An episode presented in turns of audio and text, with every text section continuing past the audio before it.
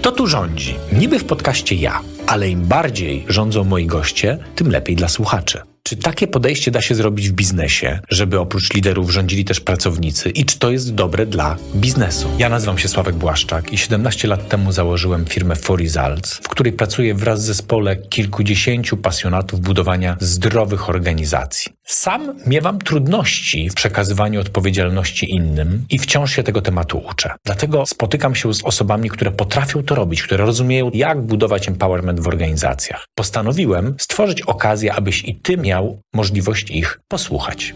Zapraszam. Gościem dzisiejszego odcinka będę ja.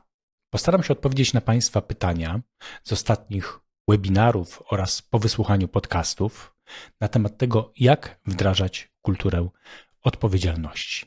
A wywiad ze mną poprowadzi Kazimierz Żurek. Zapraszam. E, Sławek, chciałem Ci przeczytać e, kilka pytań, które e, otrzymaliśmy od uczestników naszych webinariów. I te pytania były zadawane najczęściej na koniec wydarzeń, które mhm. organizujemy. Nie na wszystkie z tych pytań byliśmy w stanie odpowiedzieć, więc teraz może jest taka okazja, żeby na nie odpowiedzieć. Pytanie pierwsze od uczestnika webinarium. Jak rozpocząć wprowadzanie kultury odpowiedzialności w firmie? To myślę, że w ogóle pierwszym etapem wprowadzenia kultury odpowiedzialności jest zapewnienie bezpieczeństwa psychologicznego. To jest gleba, na której może urosnąć dopiero kultura odpowiedzialności. Na tym można zasadzić, na bezpieczeństwie psychologicznym, różne rzeczy. Można zasadzić kulturę innowacyjności, kulturę feedbacku w organizacji. Można też zasadzić kulturę brania odpowiedzialności. Dlaczego? Dlatego, że to jest taki pierwszy etap, w którym, jeśli chcemy, żeby ludzie brali, mieli jakieś inicjatywy, nie bali się, że jak wezmą odpowiedzialność, to poniosą jakieś straszne konsekwencje. To właśnie jest element bezpieczeństwa psychologicznego, który ma cztery takie podstawowe parametry. Po pierwsze, taki parametr bezpieczeństwa psychologicznego, że ludzie mogą otwarcie mówić to, co myślą. Nie boją się, że jak powiedzą coś, co jest niepopularne w danym momencie, czyli na przykład, że coś nie działa w naszej firmie, to że zaczną być odsuwani od różnych rzeczy jako ci niewygodni prawda? A w kulturze odpowiedzialności ludzie no, potrzebują mówić otwarcie to, co myślą. Więc to jest pierwszy parametr bezpieczeństwa psychologicznego. Drugi parametr to na ile jesteśmy gotowi na różnorodność. Czyli na ile, jak mamy pięć osób i cztery na spotkaniu mówią, ja uważam A, to ta piąta, która uważa B, na ile się odważy, żeby swoje B w ogóle powiedzieć. Znowu, w kulturze odpowiedzialności potrzebujemy, żeby ludzie mogli odważnie powiedzieć różnice zdań, żeby mogli być też sobą od tej strony, że czasami uważają inaczej. Nie zawsze ich zdanie potem będzie wzięte pod uwagę, ale w kulturze, która ma bezpieczeństwo psychologiczne, ludzie się tego po prostu nie obawiają i raz na nie wiem, 8-10 sytuacji, to ich zdanie jest wzięte pod uwagę i zmienia jakieś decyzje. Trzeci parametr bezpieczeństwa psychologicznego mówi o tym, na ile jesteśmy otwarci na pomaganie sobie. Czyli jak ktoś mówi, słuchajcie, no w temacie, w cudzysłowie, w domyśle, za który wziąłem odpowiedzialność, mam taki oto problem. I teraz na ile ludzie w firmie powiedzą, to jest twój problem, to co ty tutaj w ogóle, z czym ty do nas przychodzisz, a na ile powiedzą, słuchaj, no miałem podobne doświadczenie, albo nieco inne, ale powiem ci, co ja bym zrobił w tej sytuacji, albo mogę ci pomóc z czymś, prawda? Nie tam, że porzucę wszystkie swoje obowiązki, ale że jestem zainteresowany tym, co się dzieje. W kulturze odpowiedzialności to oznacza, że biorę tą odpowiedzialność ja, ale czuję, że jest jakieś wsparcie w organizacji, jakieś realne zainteresowanie. I czwarty, niezwykle ważny, dlatego go zostawiam na koniec, to jest jak reagujemy na błędy. Jeżeli reakcje są takie na błędy, że nawet błąd, który nie jest jakiś krytyczny, z gatunku akceptowalnych. Niesie za sobą no, ściganie, pretensje, krytykowanie, zastraszanie, to można powiedzieć, że tam kultury odpowiedzialności nie zbudujemy, bo błędy zawsze się zdarzają. Siła polega na tym, żeby brać odpowiedzialność w ten sposób, że się uczymy, jak je eliminować, że błąd jest dla nas okazją do tego, żeby przegadać, co w przyszłości zrobić inaczej. I w tą stronę zmierza kultura bezpieczeństwa co do błędów, że ludzie uczą się, jak za nie brać odpowiedzialność samemu i jak organizacja bierze za nie odpowiedzialność, ucząc się, jak je wyeliminować w przyszłości. Dlatego to jest pierwszy krok do budowania kultury odpowiedzialności, bezpieczeństwo psychologiczne. Jakie dalej kroki podejmować, no to trochę zależy, ale posłużę się jeszcze co najmniej jednym krokiem, który często jest podejmowany, Czyli liderzy uczą się w takiej kulturze, jak już zrozumieją, o co w niej chodzi, na czym ona polega i jak dużo jest pracy z ich ego w tym wszystkim, żeby to oni nie kontrolowali wszystkiego bardzo mocno, to uczą się, jak dawać decyzje bliżej informacji, tam gdzie rzeczywiście pracownicy już często mają doświadczenie, wiedzą, mają tą klarowność i kompetencje, w związku z tym mogliby podjąć decyzję, ale jeszcze jakoś się obawiają, stare nawyki biorą górę i przychodzą do tego lidera z pytaniem, szefie, jaka decyzja w tym temacie? Chociaż sami są bliżej informacji. Więc to jest uczenie liderów, jak w takich sytuacjach reagować, My mamy taką odpowiedź. Jednym z narzędzi, które świetnie działa, jest narzędzie, które nazywa się drabiną liderską. I to narzędzie wykorzystujemy do tego, żeby liderzy uczyli się nowych nawyków prowadzenia dialogu z pracownikami, tak żeby krok po kroku ta decyzyjność schodziła w dół, co oznacza, że takim no, jednym z pierwszych kroków w pierwszych miesiącach, które już podejmujemy, jest to, żeby ten lider zaczynał zauważać, że pewne tematy już do niego nie wracają, a ludzie raczej mówią już, że to zrobili, że podjęli decyzję, że zadziałali. To jest taki drugi bardzo ważny krok, który podejmujemy. Trzeci, już tak od którego najczęściej zaczynamy, to jak stworzyć rutyny w organizacji, które budują ludziom klarowność. Często kompetencje mają. Jeśli brakuje kompetencji, to potrzebne są też nawyki, które budują kompetencje, ale klarowność najczęściej jest czymś, co brakuje ludziom. Rozumienia tła w organizacji szerszego, w co gramy, ale też rozumienia, na czym te nasze operacje, zwłaszcza na styku zespołów, polegają.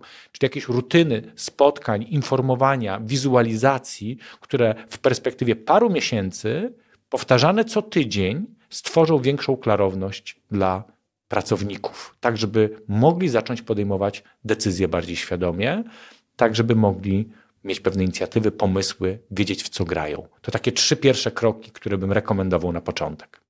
Mhm. To Ci bardzo dziękuję za odpowiedź na to pytanie.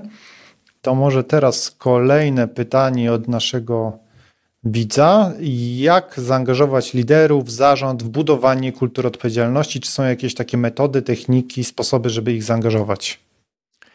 Po pierwsze, zacznę od tego, że najczęściej, jak mówimy kultura odpowiedzialności, to nieco inaczej słyszy to lider, nieco inaczej słyszy to pracownik. Tak stereotypowo, ale no w związku z tym często się sprawdza. Lider to słyszy: O, to by się przydało, żeby ludzie wreszcie wzięli odpowiedzialność w swoje ręce, bo na razie to wszystko jest na mojej głowie. Więc słysząc kultura brania odpowiedzialności, myślę o sobie, czyli tam jest jakaś kultura, jest jakiś, jakaś metoda, żeby ci ludzie stali się bardziej odpowiedzialni, żeby no, można było bardziej na nich polegać, bo dzisiaj nie do końca mogę.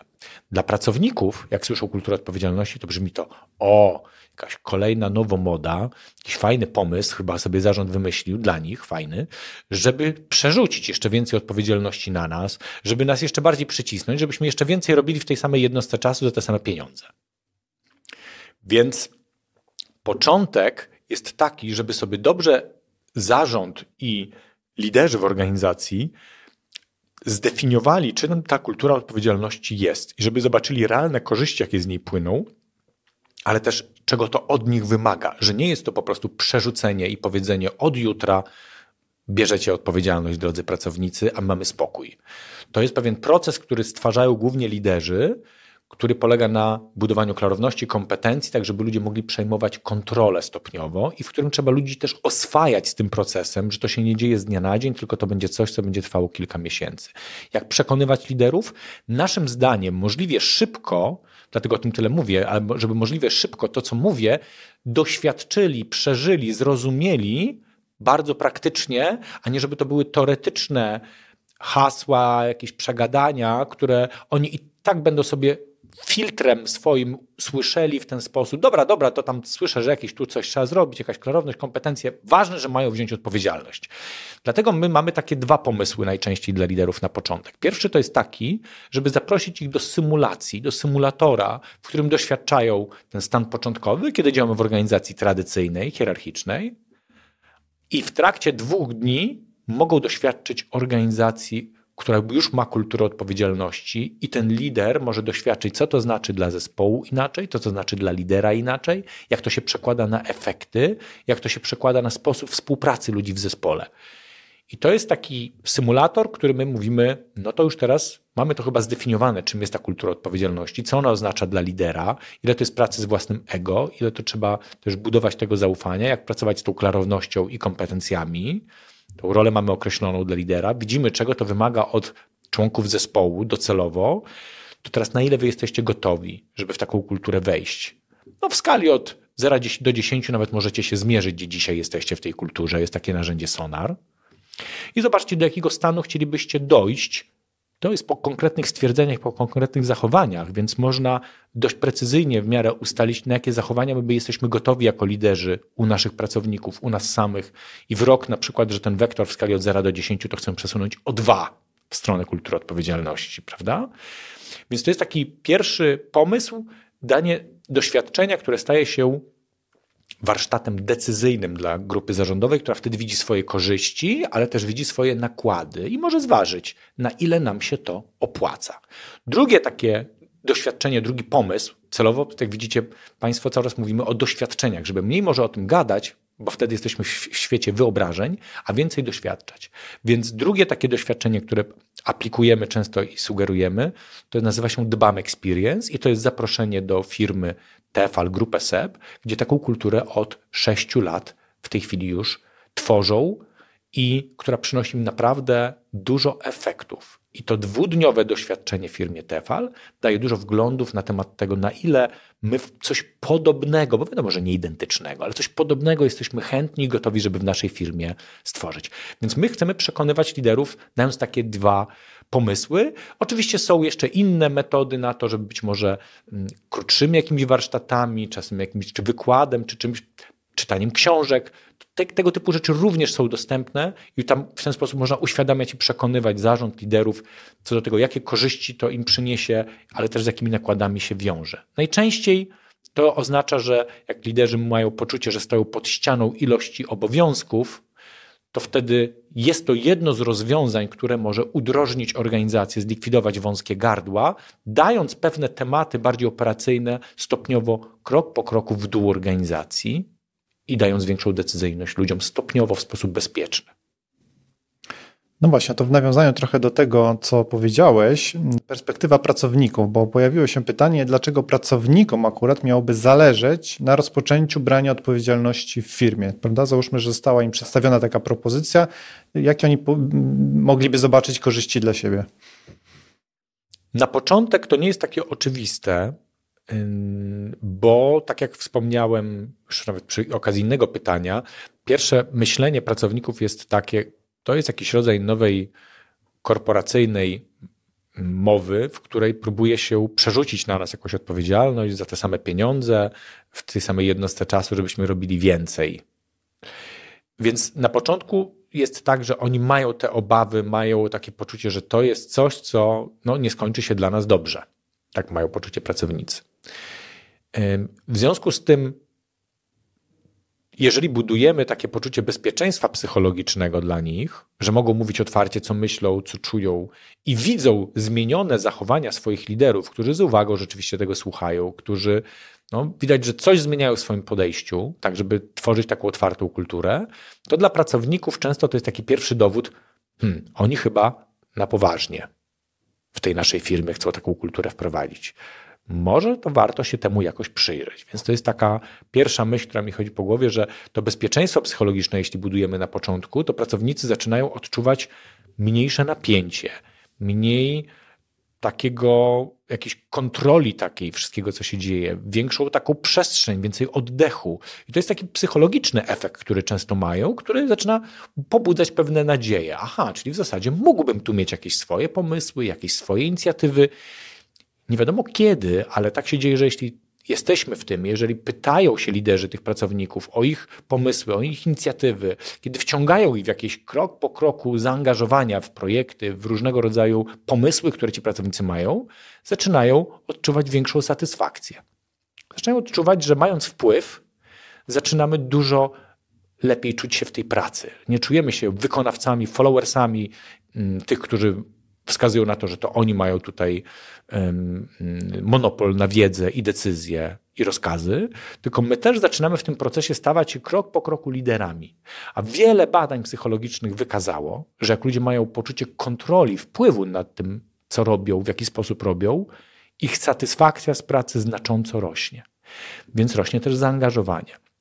Więc dla pracowników w perspektywie kilku miesięcy pracy z taką kulturą odpowiedzialności jest tak, że oni mają poczucie wpływu, większej samorealizacji, tego, że mogą rozwijać te rzeczy, które są też dla nich jakoś bardziej ważne, że mają na to wpływ, co się dzieje w organizacji.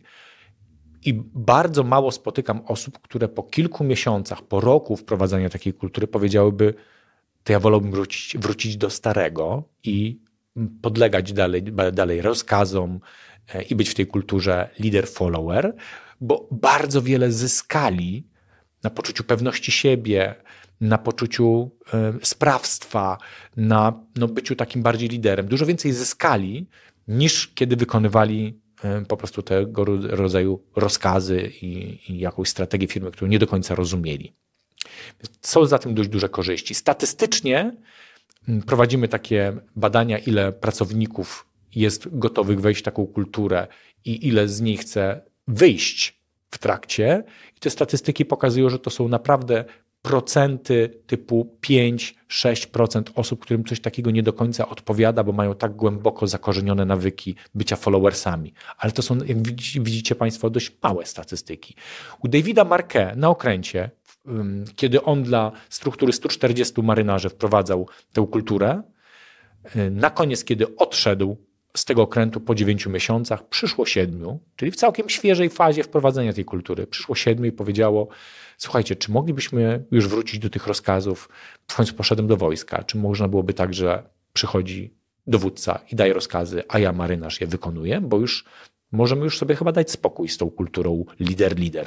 Więc tym siedmiu trzeba było znaleźć miejsce w innych strukturach, bo na okręcie już tam po prostu nie pasowali. Siedmiu na 140 to dalej pokrywa te statystyki, o których rozmawiamy. W Polsce, w polskich biznesach te statystyki są często nawet niższe. Mhm. A to jeszcze dopytam, bo to czy to naprawdę tak jest, że jeżeli są pracownicy, którzy są nastawieni na bycie followersem i to jakoś tak dogłębnie wynika z ich takiego światopoglądu, nastawieni na bycie wykonawcą, czy dla nich nie ma miejsca w kulturze odpowiedzialności, czy to jest może tak, że osoba, która chce wykonywać swoją pracę od do, jednak w, takich, w takiej kulturze jakoś tam może się odnaleźć?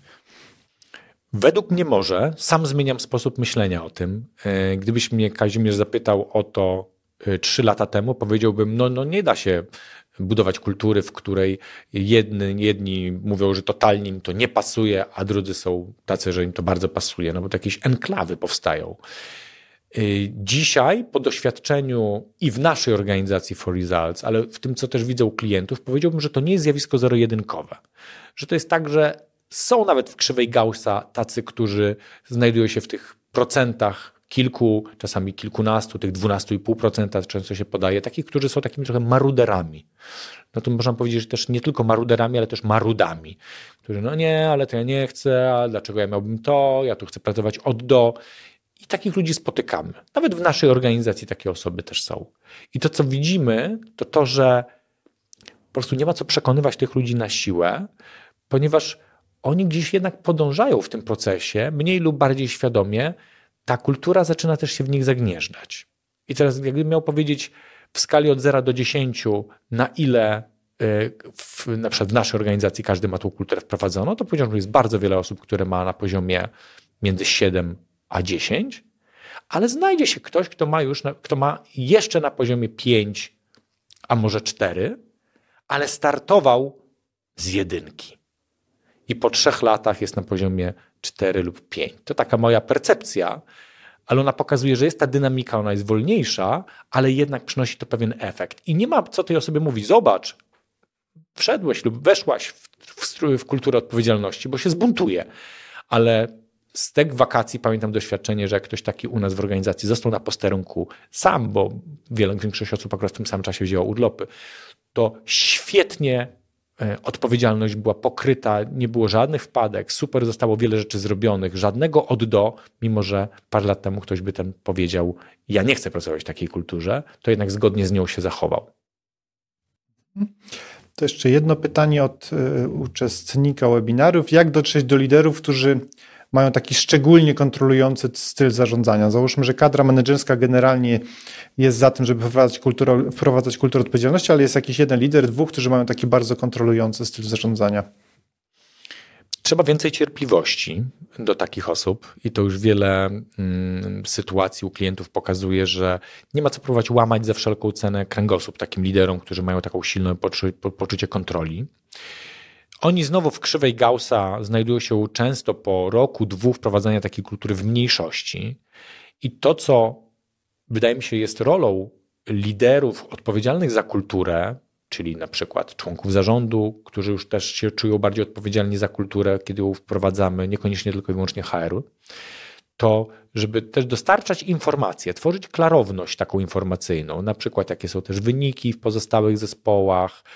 E, mieliśmy taki przypadek, że taka osoba e, bała się iść na urlopy dłużej, bo obawiała się, że e, no, jakoś wyniki spadną, jak pójdzie na dłużej niż jednotygodniowy urlop.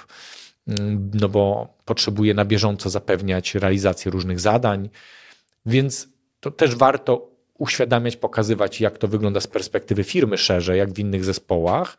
E, I te osoby zaczynają krok po kroku też gdzieś tam nadganiać tej krzywej Gaussa, przestają być takimi maruda, maruderami, zaczynają doszusowywać do, e, do pewnej większości.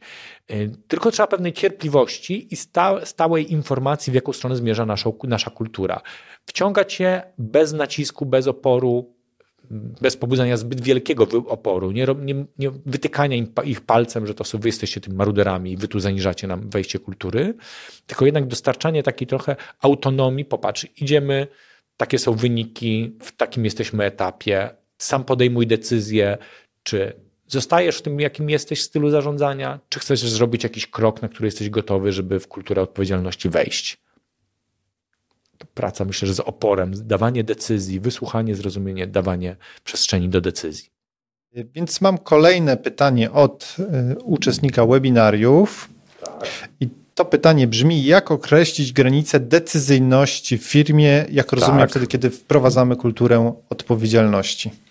Granice decyzyjności. Ja nie jestem pewien, czy dobrze rozumiem intencję autora, ale może powiem tak, jak rozumiem, że Granice decyzyjności, czyli by jasne było i klarowne, kto za co odpowiada i o czym decyduje. Jeśli to miał na myśli zadający pytanie, to wydaje mi się, że mamy odpowiedź, która brzmi tak.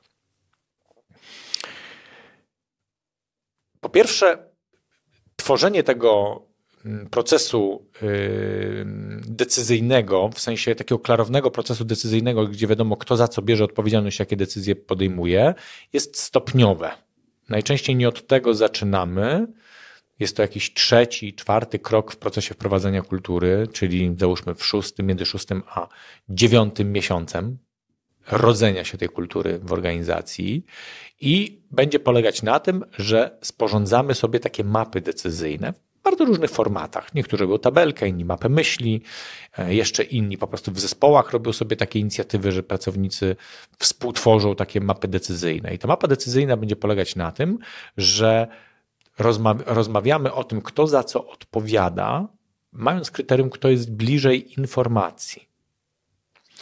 I w ramach tego, kto za co odpowiada, bo jest bliżej informacji, to jakie decyzje ten ktoś powinien podejmować, jakimi właścicielem jakich decyzji powinien być, powinna być. I trzeci punkt to z jaką komunikacją to się będzie wiązać. Bo to, co jest często naszą obawą, że ktoś weźmie tą decyzyjność, ale przestaniemy wiedzieć, co się dzieje, bo sobie tam będzie, mówiąc tak brzydko, trochę kisił coś po swojemu, coś po swojemu robił i nikt nie będzie wiedział, o co chodzi. Więc ten proces po pierwsze polega na tych trzech parametrach, skoro jestem bliżej informacji. To po pierwsze, za jaką część tutaj odpowiadam, za jaką rolę odpowiadam.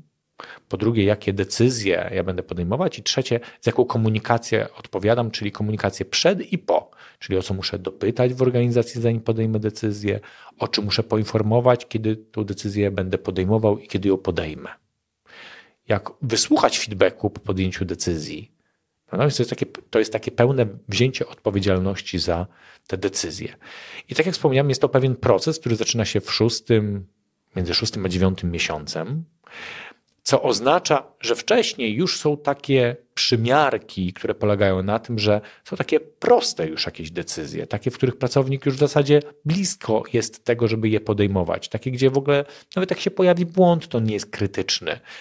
Takie tematy, w których pracownik już od roku, dwóch przychodzi do lidera i w zasadzie pyta, szef, jaka decyzja, chociaż z góry wie, jaka powinna być ta decyzja.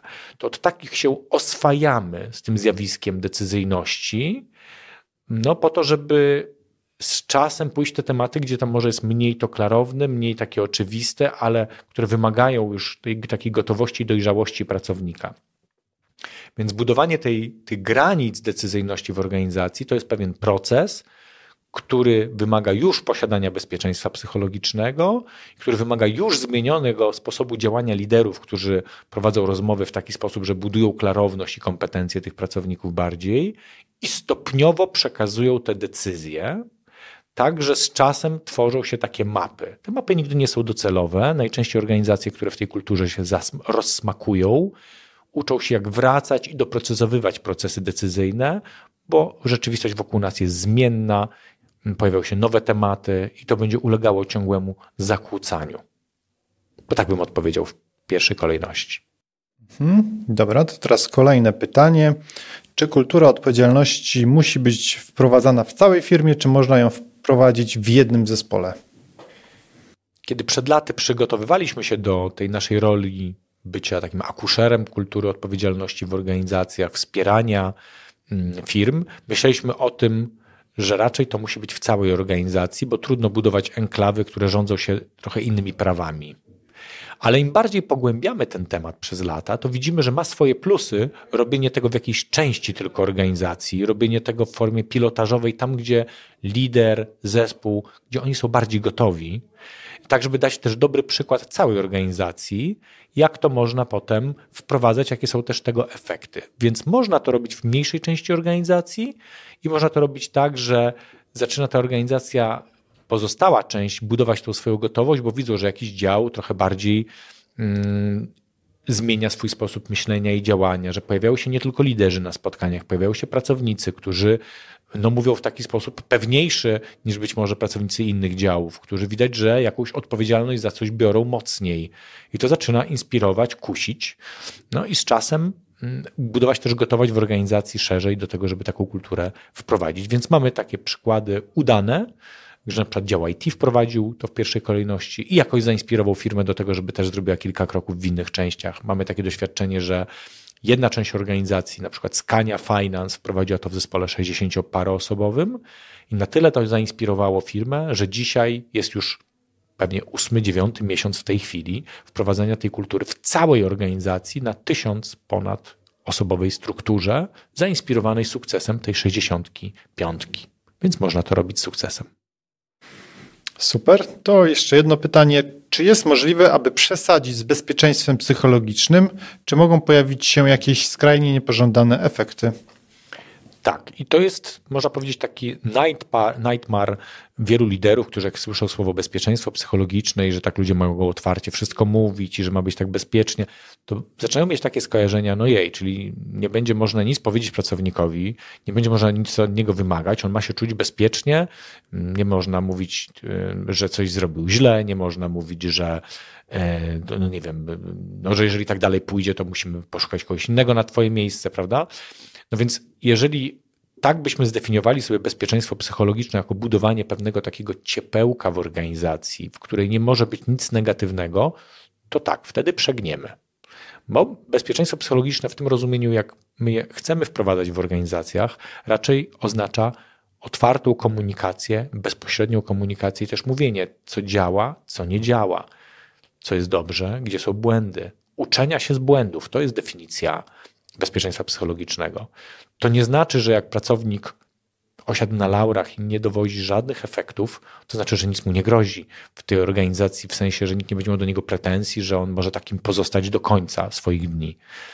Bezpieczeństwo psychologiczne polega też na tym, że inni mogą otwarcie mówić, co o tym myślą, a szef no, z taką postawą też nie może się zgadzać. Bezpieczeństwo psychologiczne ma inne wymiary, mówiące o tej otwartości, o pomaganiu sobie, o reagowaniu na błędy w taki sposób, że się z nich uczymy, o tym, że jest przestrzeń na to, żeby mieć różne zdania, ale nie o tym, że nie ma żadnych wymagań.